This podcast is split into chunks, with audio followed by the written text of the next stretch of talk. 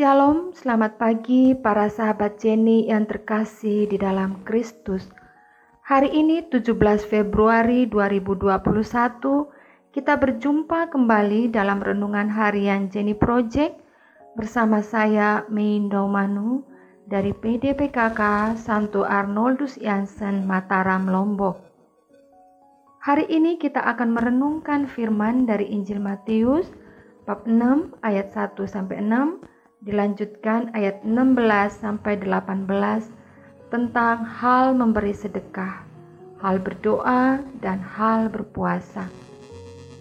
Para sahabat Jenny yang terkasih, perayaan Rabu Abu adalah awal dari masa Prapaskah.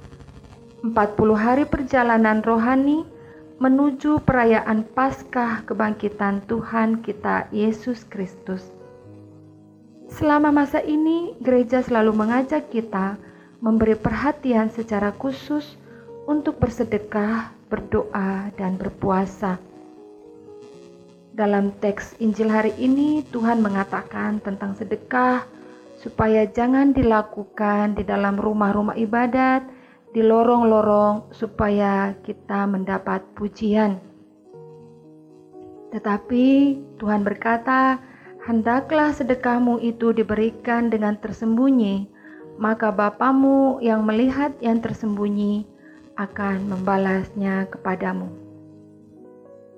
Upah yang dikatakan Tuhan, jika kita melakukan hanya untuk dipuji orang, upahnya yaitu pujian itu sendiri.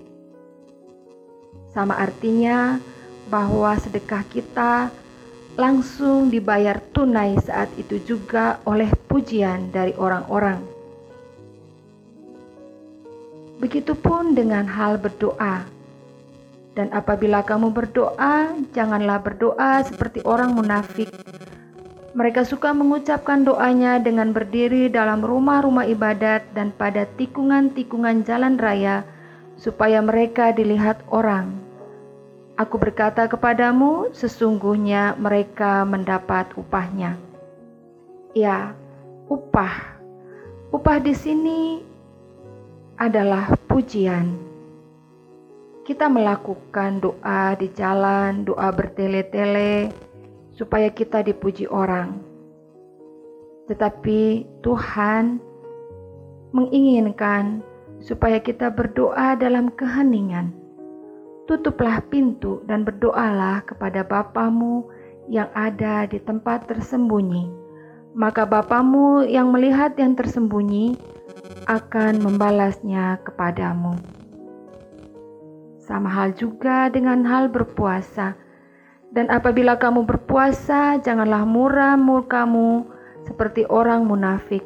Mereka mengubah air mukanya supaya orang melihat bahwa mereka sedang berpuasa. Dari ketiga teks ini, Tuhan mengatakan bahwa jika kita melakukan semua itu di depan orang banyak, di tikungan-tikungan jalan, kita hanya ingin dipuji orang. Tetapi seharusnya kita melakukan semua itu dalam keheningan batin, tanpa menuntut upah atau balasan apa pun, bahkan dari Tuhan sendiri, karena Tuhan telah melihatnya dan akan membalasnya kepada kita. Para sahabat Jenny yang terkasih, selain ketiga hal di atas, kita juga diajak untuk berdiam diri dan merenung Hidup kita telah dipenuhi dengan keributan dan kesibukan.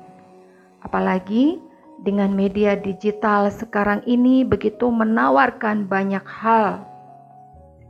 Dan semua itu hampir menyita seluruh waktu kita. Hidup kita juga dipenuhi oleh kesibukan dengan tugas-tugas harian kita, baik urusan rumah tangga, kegiatan sosial kemasyarakatan, pekerjaan di kantor, bahkan kegiatan-kegiatan gereja nih yang berkaitan dengan iman kita. Semua itu tentu menyita waktu kita. Kesibukan-kesibukan ini sering membuat kita melupakan waktu khusus yang seharusnya kita berikan kepada Tuhan. Jika kita kehilangan waktu khusus untuk hening di hadapan Tuhan, kita akan sulit mendengar suara Tuhan. Suara Tuhan itu sangat-sangat lembut dan hanya bisa didengar jika kita memiliki keintiman dengan Tuhan melalui waktu hening dan keteduhan batin. Para sahabat Jenny yang terkasih, keintiman dengan Tuhan juga dapat dicapai melalui pertobatan. Seperti orang-orang Niniwe yang bertobat dari dosanya dengan mengenakan kain kabung dan abu, tanda pertobatan kita saat ini ditandai dengan penerimaan abu.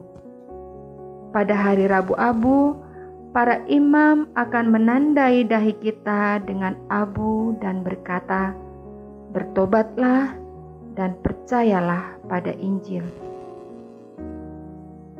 Semoga di masa prapaskah ini kita sungguh-sungguh berjuang untuk mengejar dan mendapatkan pertobatan yang sejati, sehingga hubungan kita dengan Allah kembali dipulihkan dan kita merasakan keintiman yang semakin dalam dengan Tuhan.